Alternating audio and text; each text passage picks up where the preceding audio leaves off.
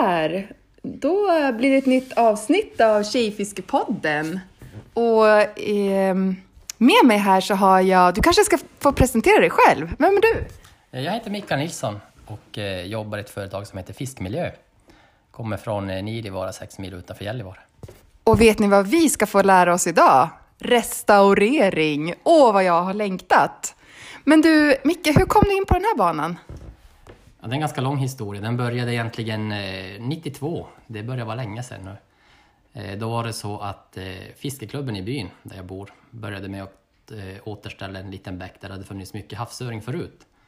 Men eh, de senaste ja, 15-20 åren så hade nästan öringen helt försvunnit. Och då ville man göra någonting åt det där. Och, Och vad gjorde började ni då? Hur, hur, hur började ni? Vi började egentligen med att... Ja, det var egentligen en, en som jobbade på Fiskeriverket då, han hette Stefan Stridsman, jobbar på Länsstyrelsen idag. Eh, han föreslog att vi skulle återställa den där bäcken för att få tillbaka havsöringen. Eh, och då skulle vi dela upp den där vattendraget som är 13 kilometer långt i två delar. Övre delen så skulle vi återställa lekbottnar och eh, lägga tillbaka sten, för den var flottledsrensad. Eh, och nedre delen så skulle vi bara lägga tillbaka sten för att se om det var någon skillnad om man, om man la bara tillbaka sten eller om man gjorde både lekbottnar och tillbaka sten. Och vad, kom ni, vad, vad var bäst, höll jag på att säga? Ja, efter några år så upptäckte vi att eh, det hänger på att man har fungerande lekbottnar i en bäck om man ska få tillbaka fisken dit. Så är det bara. Finns det inte bra lekbottnar så, så går det inte att få tillbaka dem. Ja. Och en bra lekbotten, hur ser en bra lekbotten ut? En bra lekbotten för, ja egentligen, vi, vi jobbade egentligen mest med öringen då, men en bra lekbotten för både öring, lax och harr, det är en, eh, en väl uppluckrad grusbädd. Och problemet i flottledsrensade vattendrag är att de ofta är stenhårt packade så att eh, fisken får inte ner rommen i gruset. Ja, så det ska liksom ligga löst så att, så att rommen går ner Ja, så under, att, så, eller? så att fisken kan gräva i botten med stjärten.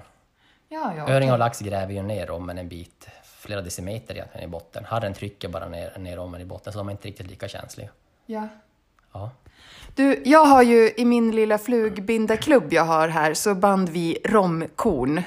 Eh, för vi, vi får så här eh, välja då vad vi ska, vad vi ska binda. Mina vart inte jättesnygga, men, men man får ta med sig en grej som man ska binda vid varje tillfälle. Och då hade en av gubbarna med sig då att vi skulle bin, binda romkorn. Men tror du på det här eller? Inte här tror jag inte riktigt på det faktiskt. Nej, Nej, alltså jag har aldrig fiskat med, rom, med romflugor, det har jag inte. Nej. Nej, så jag kan inte... Jag, jag trodde inte heller på det, men jag lovar nu att jag ska prova och se om det går att få. Eftersom vi har, jag har bu- bundit två stycken nu då. Men du, var intressant. Och hur, hur, vilka tar ni till hjälp då för att komma fram till hur ni ska göra? Är det Länsstyrelsen och några biologer eller vad? Hur, hur jobbar ni? Det vi började med då, det var att det var ingen som egentligen visste hur en fungerande lekbotten såg ut där för snart 30 år sedan. Utan vi fick prova oss själv fram, fram själva och lära oss det. Eh, och på den vägen är det då att vi har lärt oss hur man gör fungerande lekbottnar och eh, det är det som idag kallas för Hartjoki-metoden och man använder det egentligen till att börja med i Norrbotten men sen i hela Sverige och eh, jag vet att man gör det även i Kanada och USA på Okej. samma sätt. Okej. Men det, jag, som jag sa till dig tidigare, jag ska inte läsa på jättemycket om restaurering, utan jag ska få vara nyfiken här under vårt möte istället. Men ehm, det jag har kunnat läsa mig till lite snabbt, om man bara, när jag till exempel letade efter dig, eh, då är det ju att det har, satsat, det har satsats ju väldigt mycket pengar i olika projekt här uppe i norra Sverige. Och det förstår jag att du är delvis delaktig i. Ja, inte till att skaffa pengar det. Det är, det är de jätteduktiga på Länsstyrelsen i både Norrbotten och Västerbotten på att göra. Men, eh, men jag jobbar i de där projekten. I flera Ja. olika projekt här. Jag jobbar nu i... Jag startade mitt företag för eh, 19 år sedan. Ja. Så sedan dess har jag jobbat eh, ja, varje sommar med sådana här projekt. Och mm, var, var i Norrbotten är det du har varit då? Ja, var har jag inte Överallt. varit kan man nästan säga. Jag har, jag har jobbat i, i biflöden till alla större älvar. Torneälven, Kalixälven, Råneälven. Ja. Eh, ja. Är det någon utav älvarna som du är extra nöjd med? Är det någon som har blivit så här, ja här gjorde vi ett bra jobb? Ja, nu har vi jobbat i Råneälven de senaste två, tre åren i, i ett stort projekt som kallas för Reborn. Ja. Eh, och där, ja, men där blir det ju riktigt bra eftersom vi nu har så pass mycket erfarenhet, både vi och de andra som jobbar i projektet har ju så pass mycket erfarenhet nu så att så nu blir det vi gör bra. Eh, Det vi gjorde för 17-18 år sedan i, i Kalixälvssystemet första gången, det, det kan jag inte påstå att jag är så nöjd med. Men eh, vi har ju fortsatt att jobba på där och eh, nu är det många bra vattendrag, många bra bi, fina biflöden som vi jobbar med där.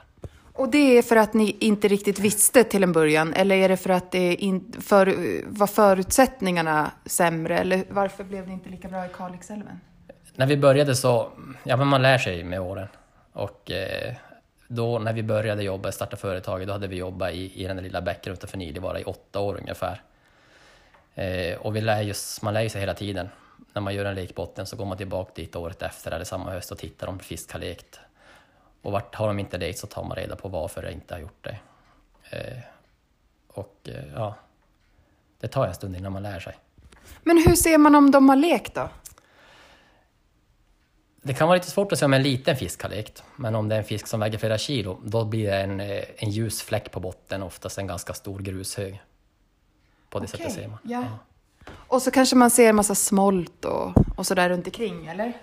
Nej, lax och öringsmolten, jag brukar få höra att ja, men i den där bäcken finns det jättemycket öring. Vi har sett stora stim med småöring. Men det ser man, man ser aldrig stim med småöring eller laxungar. Det kan jag nästan garantera.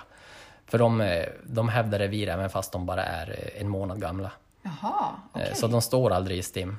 Är det harr man ser då kanske? Harr och elrits så brukar man kunna se. Och sen förstås mört och sånt där också. Men oftast är det elrits som man har sett i, i vattendrag om man ser ett stort stim med småfisk. Ja. Ja. Men du, hur högt går, eh, hur högt går fisken då? För du sa att ni gjorde olika etapper, förstod jag det som, eller? Ja, just i den bäcken var det bara, där vi började så gjorde vi, det var mest för att se om, om det var lekbottnarna som var avgörande för att det skulle bli mera fisk. Ja. Eh, Men däremot så stiger ju, vi har sett att lax, framförallt laxen stiger högre och högre upp i vattensystemet för varje år. Okej. Och, eh, och, och vad är det du gör då, handgripligen, sen när du är ute och restaurerar? Vad, är- vad är din uppgift? När vi återställer lekbottnar i, i små vattendrag, då använder vi specialtillverkade verktyg. Där vi bara eh, vi luckrar upp botten med ett spett, sen drar vi undan den större stenen som vi fick loss. Eh, och sen placerar vi tillbaka de större stenarna. Vi har rensat upp den här botten så det är bara en massa fint grus på den. Och så placerar vi tillbaka större stenar och fisken leker oftast i närheten av de där stora stenarna. Okej. Så vi flyttar sten och grus för hand. Ja. I större vattendrag som vi jobbar nu i Råneälven och i Linaälven, Vassarälven, då använder vi grävmaskin. Som luckrar upp botten med skopan och flyttar sten med skopan. Ja. Hur, kan man se på ett eh, vattendrag om det är återställt eller inte? Sådär om man är eh, lekman. Nej, det gör man inte. Gör man Det, nej, det, det är inte om det är... eh, Du kan se på stranden att det är spår efter att man har varit och bökat med grävmaskin, men annars så är det jättesvårt att se. Men samtidigt är det jättesvårt att se om en, en, ett vattendrag är flottledsrensat, att stenen är upptryckt på stranden. Ofta så syns det inte om man har blivit van att det ser ut som, så där som det gör. Så tror man att det alltid har sett ut så. Men det kan vara jättesvårt att se om ett vattendrag är återställt. Och hur lång tid efter en restaurering kan man börja se effekterna då, utav den? Har man fått till fungerande lekbottnar och det finns lekmogen fisk, då kan man se det. Jag gör lekbottnar på sommaren eller hösten, då kan eh, fisken leka där redan på hösten. Öringen och lax leker ju på hösten och det kan man se då redan samma år, att de är där och leker. Och sen året efter så, eh, på edfisken så fångar man årsgamla yngel, eller några månader gamla yngel. Ja. Vad häftigt! Men du, känns det så här efter en sommar med restaurering, är det ganska skönt att gå och lägga sig i sängen och bara ah, nu har vi gjort eh, någonting för naturen här uppe? Ja, alltså jag kan säga så här att jag går ju aldrig hem från jobbet utan att vara nöjd. Jag kan alltid, det är det som är skönt. Alltså. När jag går hem från jobbet kan jag alltid vara nöjd med det jag gjort. Ja. Det, det, alltså det, det känns som att man har gjort någonting bra för naturen varje dag. Ja, vilken känsla. Jag kan inte säga att jag har samma, jag som är polis. jag, jag, jag kanske har gjort någon nöjd, men inte, inte alla. Men du, och hur, hur, under vilka perioder restaurerar ni då? Du säger sommar, men är det både, liksom, vilka månader är det som mest intensivt? I? Ja, det är väl egentligen från det att vattnet sjunker undan. I, här uppe så sjunker det inte undan förrän i juli någon gång. Och sen går det att hålla på och jobba fram till mitten på, mitten på oktober kan man jobba effektivt. Sen, sen börjar det att frysa på. Ja. Så det är inte så många månader att vinka på. Så man får jobba hårt då. Och hur många är ni när ni åker ut till något ställe och restaurerar? Ja, det kan vara jätteolika. Men oftast så är vi inte på varje ställe. Så är vi, är vi ute med grävmaskin där är det ofta bara jag och maskinföraren med som är ute. Är vi ute och enbart ioniserar lekbottnar så är vi sällan mer än tre stycken. Har du gått igenom eh, ett gäng vadare under de här 19 åren du har eh, hållit på med, med restaurering? Ja, jag, jag, jag vågar nästan inte säga det, men eh, frun tycker att jag satsar sjukt mycket pengar på vadarskor, vadarskor och vadarbyxor. Och, ja, det är säkert, säkert 100 000 måste jag minst ha lagt, ja mer. Ja. Vilka är bäst då? Du måste ju prova alla. Ja, jag har ju provat, alltså, ja, vad ska man säga bäst egentligen? Man ja, men, kanske inte ska nämna märken, men gör det nu bara ja, okej. Ja, men Simsvadarna, de måste jag ändå säga håller bäst i alla fall. Och Corkers eh, skor, Ja, okej. Ja. Det är det bästa. det tycker jag är det bästa. tipset. Ja. Så ska man vara ute mycket i, på steniga bottnar, då ska man skaffa det. Sims. Sims med, eh, ja precis, Sims andningsvadare, helst G3 midjevadarna tycker jag är de bästa. Då vadar man inte för djupt heller när man bara har midjevadare. Ja. Och sen tycker jag man ska ha filtsula istället för gummisula. ja. Det är, eh, lite sämre att gå med dem på land men eh, det är farligare att ramla i älven än att ramla på en gräsmatta. Har ni, kör ni flytväst och, och sådär när ni är ute? Jag har brukat använda faktiskt när vi jobbat i Råneälven, har jag använt de här float underwear. Ja. Det gjort. Ja, ja, men det är bra. Mm. Flytande underställ kan man väl säga, eller vad ska man säga, underdräkt. Ja, men ja, det kanske man kan kalla dem för. Ja. Ja. Det är samma man, har typ, man kan ha under en skoteroverall. Eller hur? Nu pratar vi om samma sak. Ja, jajamän, det. Ja. Det har jag faktiskt köpt till mina barn så att de flyter när vi är och isfiskar och så här, om isen skulle gå någonstans så vet jag att de flyter en stund. Ja, ja, men de är rätt smidiga att använda i alla fall. Så. Ja. Ja. Men det är ju också ett tips. Som om man, det är ju mycket snack om vadare och hit och dit, eh, men det är lika viktigt att man håller sig flytande om man skulle trilla i. Jag har faktiskt, eh, jag som polis och jobbat ute och så här, jag har faktiskt fått fiska upp folk som har eh, ramlat när de har fiskat, slagit i huvudet och faktiskt avlidit. Och, eh, så att det ska man tänka på, det är jätteviktigt. Jag tror inte många kör någon flytväst eller någonting när de är ute, även om det är liksom i fjäll, mindre vattendrag och sådär. Man vet aldrig vad som kan hända. Nej, nej, det är jättefarligt. Jag brukar alltid på mina föredrag och när jag går igenom och har lekbottenkurser och så där så brukar jag säga att tänka på säkerheten. Ja. Har du lekbottenkurser? Det är ju... kan, man, kan man gå en kurs då hos dig och lära sig hur man kan, om man har ett eget vattendrag? Eller berätta. Ja, men föreningar brukar, brukar anlita mig ibland till att jag ska hålla lekbottenkurser och sen har vi via Länsstyrelsen ibland och sådär. Mm. Ja, man kallar mig för lekbottenguru så att jag får... Ja. Och vad, vad exakt lär du ut då? Vad, vad, är det steg för steg eller hur, hur fungerar det? Ja, men jag brukar först hålla en, eh, en timmes teoretisk genomgång och sen eh, åker vi ut. Det är, ofta, det är ute i fält man lär sig. Ja. Att jag står och pekar på en, en skärm inne i en, en sal, det hjälper inte så jättemycket. Man har glömt det när man går därifrån. Men sen brukar jag hålla en eftermiddag, en lördag eftermiddag och sen kör vi en söndag också ibland. Ja. Där man går igenom steg för steg åt ja, men hur man iordningställer lekbåten. Och vi, jag vill påpeka att vi använder bara det som finns naturligt i vattendragen. Här uppe är ju vattendragen inte påverkade desto mer av vattenkraft, i alla fall inte de mindre vattendragen. Nej. Så, så vi går bara dit, vi letar bara upp det gruset som finns naturligt i vattendragen. Ah, okej. Så, så har det, finns det inget grus, då har det aldrig lekt någon öring där. Nej. Så vi, vi vill bara återställa det som, så att det blir så naturligt som möjligt. Ja. Och hur vet ni att det har lekt öring då? Hur vet ni att det finns öring? Innan vi börjar så, så elfiskar vi alltid en sträcka för att se om det finns någonting där. Sen får man ju ofta gå, man får ju till att börja med gå på gamla, gamla berättelser. Att, men ofta så låter det som att här har det funnits jättemycket öring förr i världen. Och när man kommer hit och ser bäcken så kanske, ja, de kanske kommer ihåg lite fel. Men, eh, men som i den bäcken vi jobbade i, där, hade, där visste vi ju själva om att det hade funnits öring förut. Och när vi elfiskade så fick vi några enstaka. Och finns det bara någon enstaka öring, då vet vi att ja, men här, Ja, här går det att göra. Ja. Sen, eh, jag har ju ett litet hemligt ställe, en liten bäck som är helt full med flodpärlmussla. Det är väl också ett säkert tecken på att det finns öring i, i vattendraget, eller? Åtminstone fanns det där en gång i tiden. Flodpärlmusslan kan ju leva till eh, 150-180 år, så öringen kan ju ha försvunnit för länge sedan. Men en, någon gång i tiden fanns det där. Fast de finns fortfarande. Jag har sett dem. Ja, men då, ja, det är sant, då finns de där. Ja. Ja, men du, vad spännande.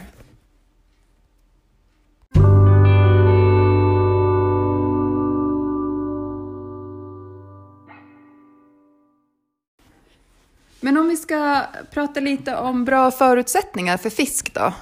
Vad, hur, hur, vad gillar de och vad, vad letar man efter i ett vattendrag? Ja, så alla vattendrag har inte riktigt samma förutsättningar till att bli en bra barnkammare eller vara en bra barnkammare. Utan det vi har sett, vi har jobbat i flera hundra vattendrag, och det vi har sett att de allra bästa förutsättningarna det finns i vattendrag där det finns näckmossa. Och där det här svarta skägget som växer på stenar och, och sådär på bäckbotten. Och det som är bra med den här näckmossan är att den erbjuder både skydd för småfisken och eh, mat. Det finns mycket insekter i den här mossan. Vilka insekter är det mest i? Kan du? Vilken min! Jag är jättedålig på insekter, så det är verkligen inte min grej utan jag jobbar på, det blir mer fisk ungefär. Ja. Nej men det är mycket sländlarver och ja, växtländer ja, alla, och alla möjliga olika. Ja. ja. det, tar man upp en, en klase med näckmossa och ruskar runt den i en vit plasthink så kommer det jättemycket insekts, alla möjliga insekter ut därifrån. Ja. Mm. Men eh, in, när vi inte spelade in här så pratade vi lite om, om man nu äger mark och kanske har ett eget vattendrag, då hade du lite tips där på hur man skulle gå tillväga. Ja, men vill man göra någonting åt den där och få den inventerad eller till och med återställd, så då tycker jag man ska ta kontakt med Länsstyrelsen i Norrbotten, och, eller ja, sin egen länsstyrelse, vart man nu är. Eh, och börja den vägen då, så får de guida en vidare. Och Mm, nu kanske det är lite ledande fråga sådär, men eh, de här kraftverken som finns i lite olika eh, åar och älvar och strömmar och allt vad det kan vara. Vad, hur ska man jobba för att, om man har någon sån som man vill bli av med? hur, hur, eh, har du något tips där till de som, som bor i närheten av något sånt? Ja, men där jag kommer ifrån, där är det laglöst land. Där brukar man säga att det är bara att använda dynamit. Men, men ska man vara seriös så tycker jag man ska ta kontakt med älvräddarna, för de är jätteduktiga på sånt. Ja ensam börja kämpa, det är nog inte så enkelt. Och Älvräddarna, kan du berätta lite mer om dem då? Vad gör de? Oj, shit. En förening, eller? Ja, det... Ja, ja vad ska jag säga? Men det är en förening man kan gå med i, även om man inte är aktiv sådär som... Om man inte är Greta Thunberg ute på, på rundresa så kan man gå med i föreningen och stötta på så sätt, eller? Ja, precis. Jo, jag har mitt företag, det vi sponsrar också älvräddarna och låter dem göra jobbet, de som är duktiga på det. Så att man kan gå med i föreningen, det kan man göra. Ja, ja. Och sponsra dem på det sättet. Ja. Och, och Länsstyrelsen kan man ta kontakt med då i det länet man bor i om man själv vill göra någonting åt något vattendrag. Men om man bara är en vanlig Svensson som gillar fiskevård och vill... Har du något tips där på hur man kan engagera sig? Ja, det kan ju vara lite jobbigt att engagera sig ensam, men gå med i någon sportfiskeklubb eller förening som tycker om att hålla på med sånt. Och just att återställa en lekbotten, det behöver man inte en massa tillstånd till, utan det räcker att du har markägarens tillstånd så är det bara att köra. För man, när man bara, om man inte tillför något grus, utan bara använder det som finns, i, som finns naturligt i vattendraget, då, då gör man ju ingen åverkan egentligen. Ja. Och om man själv är ute och fiskar och så märker man att eh, det kanske under vintern eller så har samlats massa bråte över någon liten bäck och så, får man flytta på det då? Om det är träd och sådär som har fallit, det får man nog flytta på. Men du får inte ta initiativ själv och gå och riva en damm eller sådär fast den har rasat ihop. Något, sånt, något som är byggt. Nej, det, är, det får man inte göra. Men det är ändå bra att veta, om man nu tänker i de banorna. Att man, om man lyssnar på det här avsnittet och så blir man supertaggad för att gå ut och göra någonting själv, då, då får man alltså inte flyttar man. Det är bra. Ja, ja precis. Ja, men då, ska man, den, då ska man också ta kontakt med Länsstyrelsen först. Men är det bara något träd som har fallit och skapat ett vandringshinder till exempel, då kan man ju plocka bort det. Mm. Och vad finns du då? Jag hittade ju dig på Facebook tror jag. För jag var ju så taggad att hitta liksom, eh, någon som höll på med restaurering och lära mig mer om det och ha med i podden och så. Men visst lägger du ut både på Instagram och Facebook bilder från de arbeten ni gör? Eller? Ja, jag försöker hålla uppdaterat när vi är ute och jobbar och den, eh, på Instagram heter jag Fiskmiljo. Så då kan man mm. följa dig? Där kan man följa Men mig, du, ja. blir det inte en del sura gubbar ibland? Eh, sådär, när ni gör någon älv eller någonting, att man förstör deras eh, små bra djuphålor och sådär, eller? I början, när, när vi började i början på 2000-talet, då var det faktiskt då var det ganska många som var emot eftersom man man började med att återställa bäckar efter flottningen. Man flottresensade ju vattendragen på 40-50-talet. Sen på 80-talet så, så började man och skulle lägga tillbaka sten som, lad, som trycktes upp på land. Och det man gjorde då det var att man la ut som pärlband med sten tvärs över vattendraget för att skapa fina fiskepooler. Det gjorde att eh, det blev egentligen inte bra för någon. Tycker man om gäddfiske så kanske det var någon gädda som tyckte om den där höljen som skapades. Men det var ju inte mer ståndplatser eller lekplatser för fisken. Eh, sen på 90-talet då gjorde man istället så att man öste ut all sten som var upptryckt på land. Det gjorde att djuphålet försvann och eh, ja, lekbottnarna blev också förstörda för man la, man la sten ut på grus, de få grusbäddar som fanns kvar. och då när vi skulle göra det när vi började så skulle vi både lägga ut sten och fixa till lekbottnarna och då kunde det vara svårt att få tillstånd från markägare som tyckte att men det är ingen idé, det var ju bara sämre än de gjorde det förra gången. Ja, okej. Så det var Eh, lite motstånd då? Det var lite motstånd, så att vi har ju fått jobba lite med att, med att bevisa att det vi gör nu, det är faktiskt bättre än man gjorde innan, in tidigare. Man visste inte bättre då. Det Och det är som- den här Harti-Jokki... Hartiokke-metoden, det, är- det är just det när man, gör, när man fixar till lekbottnarna. För det tänkte man inte på på 90-talet. Nej. När man gjorde det med Luckra maskin. upp dem. Mm, luckra upp bottnarna. Man, man la ofta sten ut på...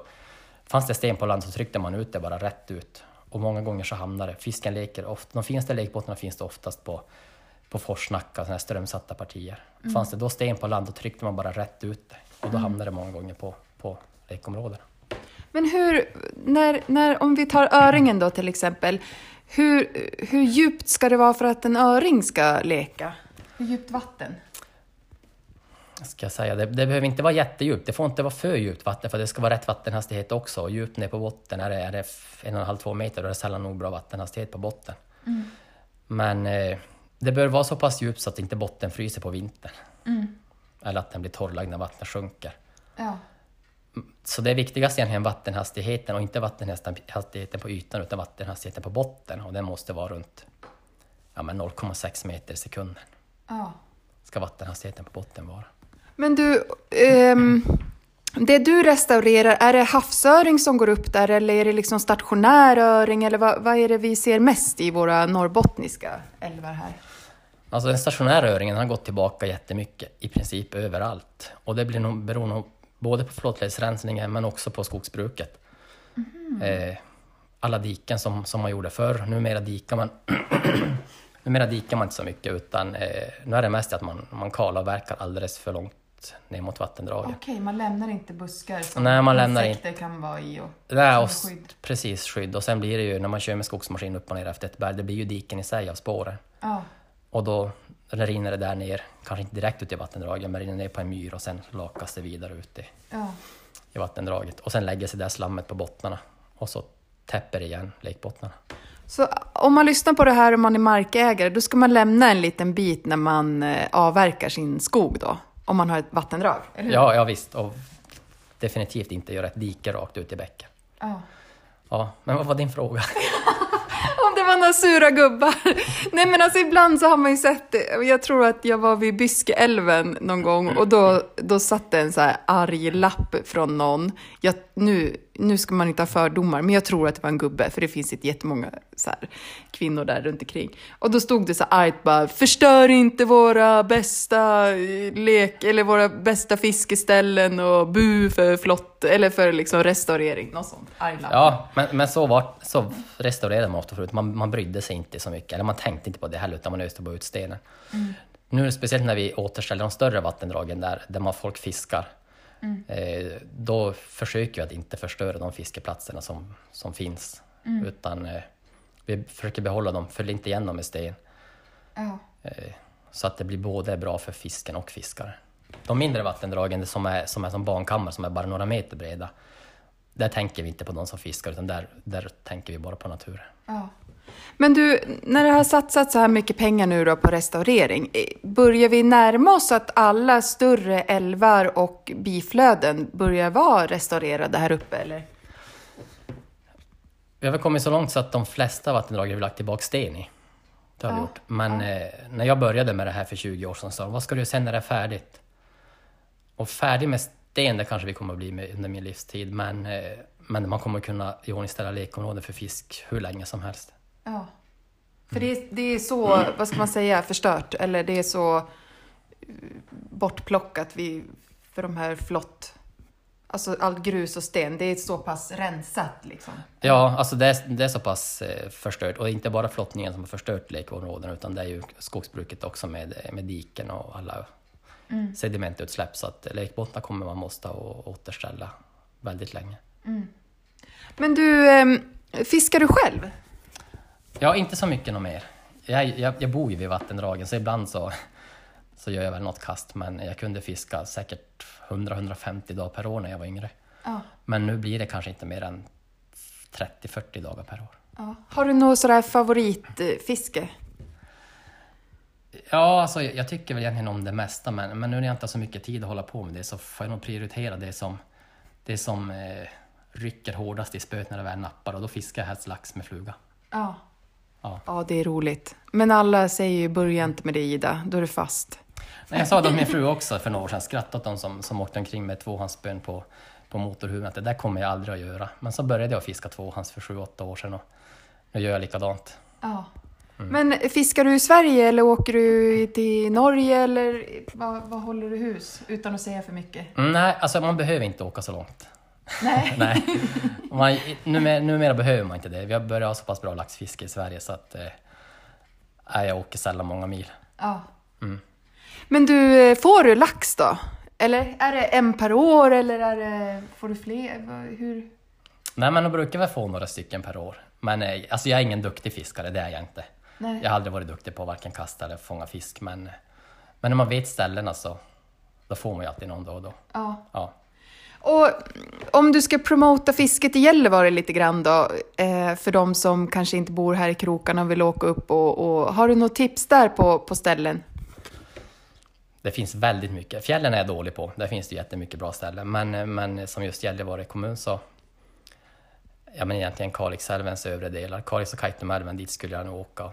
Ja. För där är fisket efter, ja inte öring, alltså öringfiske har vi inte bra någonstans, det kan jag inte påstå. Men lax och harrfiske är jättebra i Kalix och Kaitumälven. Jag, jag är ju lite så här att jag kanske inte tycker att man ska outa allt för mycket ställen. Men jag brukar ju tipsa om att man kan söka kvoterat fiske. För då vet man ju ändå lite vad man kan tänkas få om man vinner eh, fiskelotteriet. För Länsstyrelsen har ju varje år ett lotteri på olika sträckor och sjöar och sådär. Så det brukar jag ju tipsa folk söderifrån när de vill ha tips om vart de... Då säger jag så här, men sök kvoterat fiske och får ni så har ni ju, då vet ni ju vart ni ska. Vad, vad tycker du om det? För du och jag, vi pratar lite så här, hur mycket ska man säga om vart vi restaurerar och var det är bra och sådär. Och vi kom ju överens om att vi inte säger vart det är bra, eller hur? Nej, jag har lite tystnadsplikt om det där. Jag, jag vågar inte säga för mycket för, för folk berättar ju allt åt mig. Så jag, jag håller tyst, jag berättar inte åt någon annan det jag fått höra. Men, eh, men det är sant som du säger, kvoterade vatten, det vet man ju är. Ofta så är det bra. Sen kan man ju ha en dålig, en dålig vecka när man kommer dit, det är högt vatten och kallt och sådär. Men, Ja. men annars är det ett bra tips. Eller att man kontaktar några av våra guider som faktiskt försöker leva på, på fiskenäring. Det är ju också mitt hetaste tips. Ja, precis, det finns jättemånga bra guider. Ja. Utan- Och då tar de med en till sådana här magiska ställen där laxen bara står och väntar. Kanske någonstans där du har restaurerat, eller hur? Ja, ja, precis. Det finns ganska många sådana ställen. Ja. Eh, ska man få själv få söka så då kan det ta tid innan man hittar de ställena. Och jag tror inte att det, jag sa ju det innan, jag tror inte att det finns en enda norrbottning som kommer avslöja sitt bästa fiskeställe. Det, det håller man ju för sig själv. Eller hur? Ja men så är det ju. Det är knappt jag berättat farsan om jag hittar en fin laxgrop. Ja. Så att man är riktigt tyst om det här. Så man kan inte lita på en norrlänning som säger att, att, att där är det Åk bra. hit, här är det bra, åk hit. Nej. Nej, de har inte tips om det bästa stället i alla fall. Nej. Nej. Det är som min lilla hemliga bäck som jag inte vill visa för folk, där det är flodpärlmussla och små söta eh, öringar och sådär. Det, det visar jag inte för oinvigna. Nej, men, men så är det ju. Men ehm, om du far upp till fjällen själv någonting då och fiskar, eller är det bara lax som, som gäller från och med nu? Alltså jag, åker, alltså jag fiskar ytterst sällan i fjällen. Det, Mm. det gör jag. Jag har aldrig gjort det. Det är ganska nära men eh, nej, det blir inte av Nej. faktiskt. Och du har ju barn också. Har du invigt dem i, i fiskeriet? Ja, jag har två flickor. De är fem och åtta år. Eh, och jag har ju försökt inviga dem i det. Den äldre går lite dåligt med. Hon har blivit så himla hästintresserad så att jag är rädd för att det är kört där. Men den yngre, femåringen, hon, hon tittade på en bild här för några veckor sedan med, med sin första harr som hon höll i handen och hon sa att pappa, när det blir sommar igen, då ska vi åka ut och fånga sådana där igen. Så där har jag lite förhoppningar i alla fall. Ja, det är bra. Men jag tänker inte tvinga med dem ut, speciellt inte om det är duggregn och 15 plusgrader för då, då vill de aldrig åka ut i skogen. Ja. igen. Ja, det är ju viktigt att motivera de unga Men, men hästeri är inte heller dåligt. Det är lite naturen och vara ute och stall och... Ja, men det är väl, det är väl nästan det näst bästa. Så att Mm. eh, nej, hon får, får gärna hålla på med det. Men du, eh, hur ser visionen ut då för, för företaget du driver? Är det bara att fortsätta knoga på eller ska du utöka? Eller vad, vad, är, din, liksom, vad är målet med, med ditt, ditt, din business? Ja, alltså det, det är lite, känns lite svårt att utöka faktiskt, just det. Det gör det. Men eh, det känns som att, eh, ja, ska jag säga? Du är nöjd? Ja, jag är rätt nöjd. säga. Ja. Alltså, jag kommer aldrig bli rik på det här, det kommer jag inte att bli. Nej. Men eh, som jag sa tidigare så, så går jag hem från jobbet varje dag och känner mig, mig nöjd över att ha gjort någonting bra Ja. för naturen. Men, och du kan leva på det? På restaurering? Ja, Bara? inte, inte enbart på det, nej det går inte. Det är för kort säsong för det. Ja. Vad men- gör du när du inte gör, håller på med det? Just nu håller vi på att renovera ett eh, gammalt hus i byn där vi bor. Eh, som vi ska börja hyra ut till, eh, till besökare, gäster, kanske fiskegäster också någon gång kanske i framtiden, men inte till att börja med utan i början bara utländska, utländska gäster som Ja. kommer upp vill uppleva vintern. Ja, det är ju grymt. Det är lite så jag håller på med ibland när jag känner för det. Att jag tar med turister ut och pimpelfiskar och ja, går i skogen och, och sådär. Mm. Det är ju en jättebra grej. Ja, ja men det känns som det. Vi, vi tror på det. Sen, sen driver frun två, två företag till så att jag brukar hjälpa till där också så att eh, ja, vi har att göra. Vad gör hon då? då? Eh, Lapp från Lappland heter en av de större Love from... Men du, det har jag nog sett på, på Instagram. Ja, det har du säkert gjort. Ja, Mm. inrednings och smycken, eller? Ja, precis. Ja. Bland annat. Jättemycket. Eller ja, det, de, det vi säljer är Norrlandsinspirerade produkter kan man säga. Ja. Och från eh, renskinnsprodukter från Keros till Ja, exempel. åh jag älskar... Jag, åh, jag vill ha par skor därifrån. Ja, ja, precis. Ja, nej, men, ja, men sådana grejer. Och det är ju jättemycket med det fram till den 24 december. Ja, men du, berätta bara för de som inte vet vad Keros är. Kan du berätta, du som är Eh, de- därifrån? ja, de-? Eh, Keros det ligger utanför Pajala i Sattajärvi. ja. Eh, och de säljer skinnprodukter. Allt från skor, Skor, handväskor, väskor, ryggsäckar. myntbörsar, Precis. skitcoola. Ja, och jättebra kvalitet och fina grejer. Ja. Mm. Handgarvat. Nej. Nej, ja, skitsamma. Ja, Men det är jättefina saker. Köp därifrån om ni ska. Mm. Inte från Kina. Nej, precis. Nej, och Vi- från lappland.se. Ja, Love from Lappland. Men, ja, men det vet jag. Jag har sett det. Ja, vad säkert. kul. Är det din fru då med andra ord? Ja, Aha. Men vad duktiga, vad kreativa ni är. Och driver för, tre företag och det är ju... Men det kanske, det kanske man måste vara om man ska klara av att bo i, i inåt Sverige, uppåt och inåt. Ja, alltså man får försöka hitta sin egen. Man kan inte bara gå omkring och vänta på att bli serverad ett jobb. Det, det funkar Nej. inte riktigt. Nej. Eh, De allra flesta där uppe jobbar i gruvan, i Aitik eller LKAB.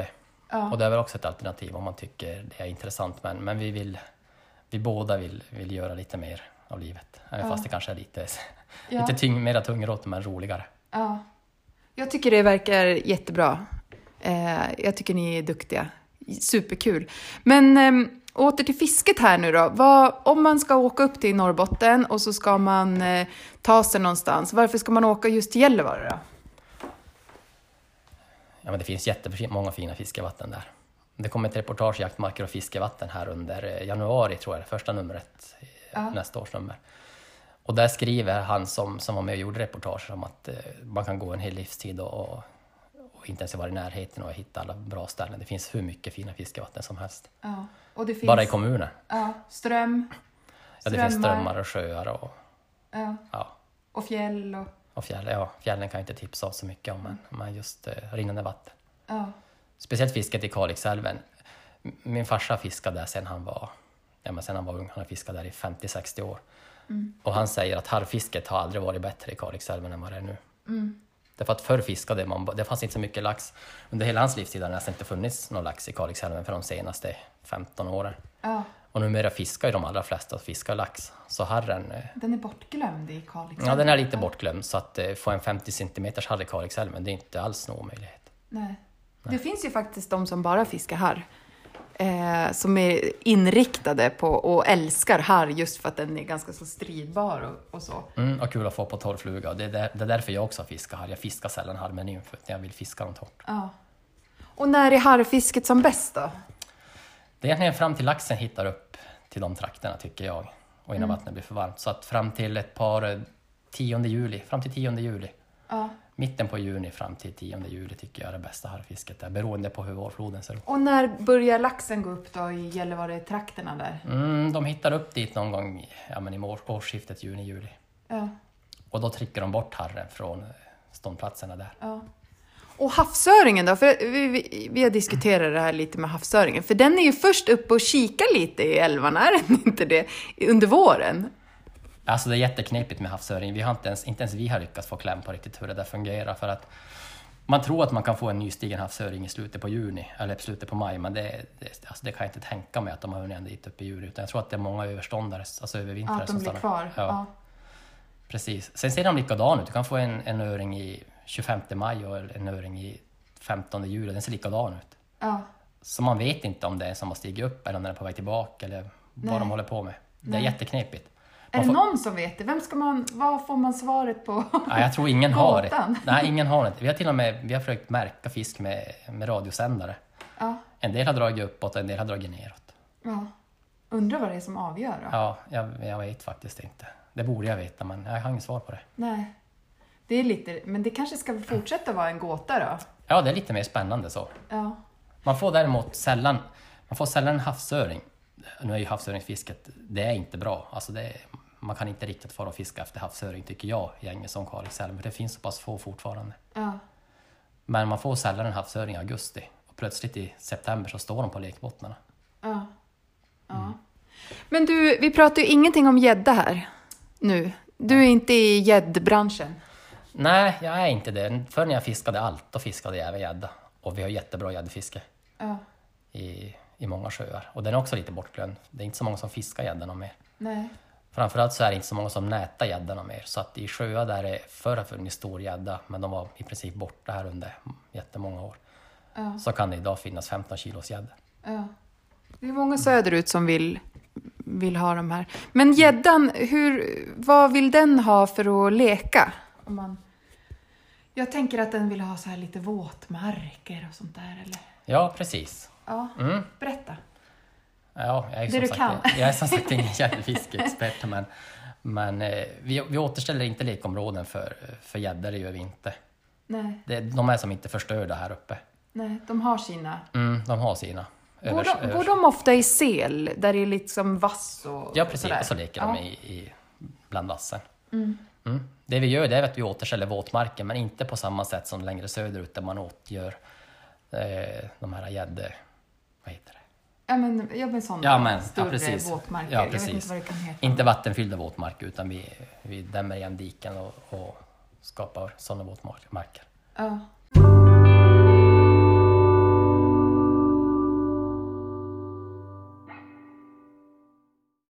Men du, för att summera vårt eh, lilla samtal här nu då. Vad, när du själv är ute och fiskar lax och sådär, hur, hur tänker du i, i ditt sätt att fiska? Har du någon strategi eller har du något, är det något speciellt du tänker på? För att inte skada fisken? Ja, bara- men sådär, bara för att det ska vara fortsatt eh, bra för oss alla. För oss alla? Ja, för att man kan ju... Man kan gott fiska för att och ta hem fisk, det, det gör ingenting. Men man behöver inte ta hem allt man får. Nej. Man, man kan gott nöja sig. Får man en lax, då får man vara nöjd med det. Mm. Inte ta, ta hem och fylla frysen. För att det, det är ju trots allt en, en ändlig resur- resurs. Det går inte att ta hur mycket som helst och tro att det bara kommer mer trillar ner fisk från himlen, för det gör det inte. Mm. Sen fiskar jag aldrig om det blir för varmt i vattnet. Så Jag fiskar aldrig om det är varmare än 18 grader i vattnet. Mm. Eh, för då har fisken svårt, som man ska släppa tillbaka, svårt, svårt att överleva. Ja. Men du, om man ska prata lax då kan man ju göra ett helt program bara, bara om det. Men hur stöter du på sjuk fisk i våra älvar? Någonting? Ja, jag har sett ändå ganska mycket lax som är, svamp, som är svampangripen, det gör jag. Ja. Mm, så det, det finns. Men det är ju också något som man inte är riktigt helt säker på var det kommer ifrån och hur mycket det påverkar dem. Nej. Är de inte så svårt angripna så sägs det att de, eh, de klarar Jag har sett jättesvårt svampangripen lax som leker. Ja. Så de gör allt för, allt för artens fortlevnad men sen dör de efter det. Men de som Ja. inte är jättehårt angripna de, de frisknar till när de kommer tillbaka ut i saltvatten. Okej. Ja. Man ser jättemycket i Luleälven tycker jag. Ja. Alltid där är det svampangripet. Eh, för de står ju nedanför kraftverket och bara mår dåligt. Mm. Och de är ju ofta dåliga. Det är därför man kallar dem så här betonglax, tror jag. Okej. Det är lite så skällsord för att det är inte fint att fiska i Luleälven till exempel. Nej. Om man pratar bland folk här runt omkring. eh, och då är ju ofta, då ser man ju ofta sjuk fisk, tycker Mm. jag. Eller jag har gjort det i varje fall. Ja. Men vad är ditt intryck av de andra älvarna då? Det, hur, hur ser det ut? Alltså jag har sett sjuk lax i, i alla älvar, men inte i... Ja, nu har inte jag varit, det är de senaste åren som man har börjat se mer och mer av det. Ja, Och de senaste åren har jag mest jobbat i Råneälven och i Linaälven. Och jag har inte sett jättemycket mycket sjuk fisk där. Framförallt så är det de sjuka fiskarna man ser, de är lätta att få syn på. Ja. Speciellt under leken. Ja, När de söker upp lekbottnarna, där är de lätta att se med sina vita fläckar där de står. Och ja, en del blir så svårt sjuka så de blir ju helt förvirrade. De kan bara gå upp i ytan och stå i, i Mm. en vass kant och sådär. mm. Men visst, jag har sett sjuk fisk, det har jag. Vad ska man göra om man ser sjuk fisk då? Är det något man, ska man göra något eller? Man kan ju rapportera det in, in det till, till SVA, Ja, Statens veterinärmedicinska anstalt. mm. Men eh, Det är kanske många som gör det. det är nog många som gör det. Ja. Mm. Men det är väl det man kan göra, man är inte riktigt säker på... Men och hur ska man själv då? Jag tänker, ehm, jag gör ju så att jag blöter ofta händerna om jag håller i fisk. Eh, och jag, vi pratade lite om det tidigare, jag äter ju inte fisk så jag brukar alltid släppa tillbaka. Om jag då inte vet att fisken är dålig eller jag vet att någon vill ha en fisk eller och eh, aldrig vild fisk. Det har jag som motto att jag alltid släpper tillbaka vild om jag Ja. ser att den är det. Hur, Tänker du så också att du Ja, när jag ska släppa tillbaka fisk då får man ju vara riktigt eh, försiktig med dem. In, inte drilla dem allt för länge, speciellt inte om det är varmt i vattnet. Mm. Och jag fiskar aldrig efter halvlax eller öring om det är varmare än 18 grader i vattnet. Mm. Och när man tar upp det här, kroka av dem i vattnet och inte ta upp dem alls. Mm. Har man en kompis så kan de ju foten om man lyfter upp den bara lite snabbt ur vattnet och sen Ja. släpper tillbaks den. Ja. Mm, så hantera dem jätteförsiktigt och inte hålla på och leka med dem. Och rätt typ av hov är också viktigt. Att man har någon som Mm, om man använder bra, hov. ja, bra nät. Mm, med knutlöst garn och sen finns det ju andra jättebra hovar. Själv använder jag aldrig en hov. Nej. Nej, för jag har kommit fram till det att lossna fisken på grund av det så, så får den fara. Det är inte Ja. världen. Ja. Mm. Då tar du den i svansen. Ja. Laxen, storlaxen. Precis. Men Gör den du det? Ja, men ja, all lax som jag fångar de tar jag i stjärten. Men klarar du det själv då när du är ute och Ja. fiskar lax? Eller har du med dig någon? Det blir lite bökigt om de väger över 10 kilo. Då är det ju lite besvärligt. Ja. Men, eh, men där är det likadant också. Råkar nu lossna så, så är det inte hela världen. Mm. Men jag tar alltid fast dem i stjärten. Men jag lyfter aldrig upp dem i stjärten för då kan man skada ryggraden på dem. Mm. Mm. Så jag håller bara i dem, tar fast i stjärten och håller i dem. Mm. Ska jag ta upp fisken då, då lyfter jag ju upp den och, och, och knackar den. Då. Men ska jag släppa tillbaka den då, Mm. det är också. Krokar du av i vattnet? Ja, då krokar jag av i vattnet. Ja. Mm. Men då får du ingen snygg bild då? Utan Då får du skippa bilden. Ja, ja, om man inte tar med sig en gorillapodd och ställer telefonen under fighten på stranden. Det är mycket som ska ordnas. Ja, det som... Då ska du få upp en kamera, du ska ta den i svansen, du ska ha blöta händer och ingen hov. Och, ja. Mm. ja, det är spännande. är Så om vi spännande. ser någon laxbild med dig på, då, då vet vi vad som har, att det har varit lite meck innan. Ja, det är, i alla fall om jag varit själv. Ofta så är jag ju själv. Ja, Ja, jag fiskar inte helst själv, men det blir ju ofta det. Om man får tid över så drar man iväg en stund, så då är man ju själv. ja, Mm. Jag har någon sån film på Instagram där, där jag fick laxen själv och släppte tillbaka den. ja. Och klara allt. Ja, det var lite bökigt. Men det, det går bra det. Vad kör du för flugor då, när du laxfiskar? Kör du tub? Ja, jag kör både med tub och eh, ja, dubbelkrokar. Ja. inga avancerade. Jag är, jag är inte någon bra... Och du binder inte själv, Ja, jag binder tidigare. allting själv. Ja, jag Ja, binder, du gör det? Jag gör Ja. det, men inte speciellt avancerade. Nej, Utan jag kör bara med, med rävhårsflugor med softhack. ja, Mm. Och det funkar, det behöver inte vara så avancerat. nej. Nej. Och det, när du har tid över, då är det laxen som hägrar. Du kör inte något, att du fiskar något annat, enhandsspö och småöring, det är inte din grej. Nej, alltså det är väl min grej men, men jag får ju prioritera och jag, numera, får jag själv att fiska då, då får jag inte att fiska här något mer. Nej. Tar jag med mig ungarna då får jag att fiska här för det är bäst chans att det nappar då. Ja, Jag tar inte med barnen och fiskar lax, inte än. nej. Det, är- det är alldeles Det är för långt. tråkigt. Det är för långt mellan huggen. Ja. Ja. ja, men tack så hemskt mycket för att du ställde upp på att vara med i vår lilla podd. Och vi sitter faktiskt hemma hos mig här nu, i mitt ostädade hem och Eh, och du, du reagerade över min lilla bindhörna, så bara åh, det här brukar ju vara eh, mannens liksom, del i hemmet, men jag förstår att det här är din hörna. Ja. Ja, det var lite kul. Det är första gången jag ser det. En girl cave. Ja, precis. Men det här är bara tillfällig girl cave. Jag får egentligen inte ha mina bindgrejer här.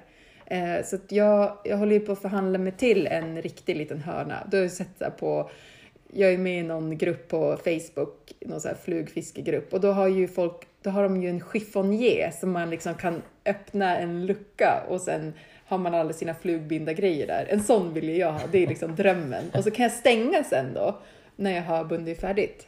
Eh, det är ju min girl cave-dröm. Ja, men det låter fint. Så nu är det bara tillfälligt här, jag får egentligen inte vara här med mina saker. Nej. Jag får egentligen inte ha fiskegrejer överhuvudtaget. Men eh, jag brukar smyga, du ser ju, det är lite på väggarna så här, är det lite fiskar så. Någon Ja. val och, ja, jag- lite får jag ha hemma. Men jag har ju motsatt, jag har ju en karl som inte fiskar.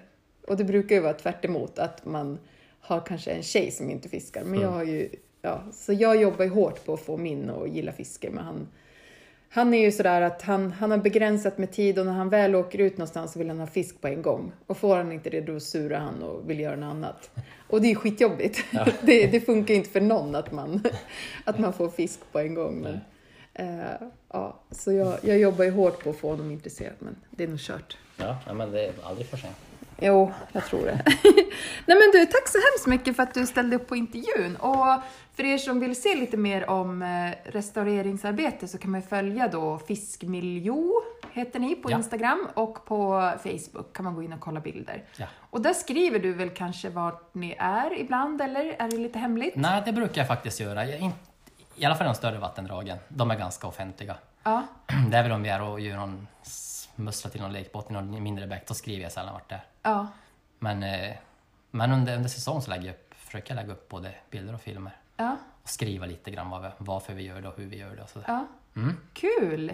In och kika och lär er mer om, eh, om restaurering. Och tryck på era lokala klubbar och älvräddare och allt vad det kan vara. Så, för vi sitter ju på en väldigt, alltså vi har ju sån fin naturresurs här i Sverige. Med Ja. vårt, alltså vi skulle ju kunna ha turister från hela världen om vi ville. Ehm, om vi bara förvaltar det fina vi har här uppe. För det är ju faktiskt jättefint. Som du säger, du har liksom laxfiske inte långt från där du bor och Kalixälven och Piteälven och alla möjliga har vi ju här. Och det är säkert likadant i, i södra Sverige. Vi har väldigt fina älvar som Ja. vi måste ta hand om. Ja, Och där är du en stor del.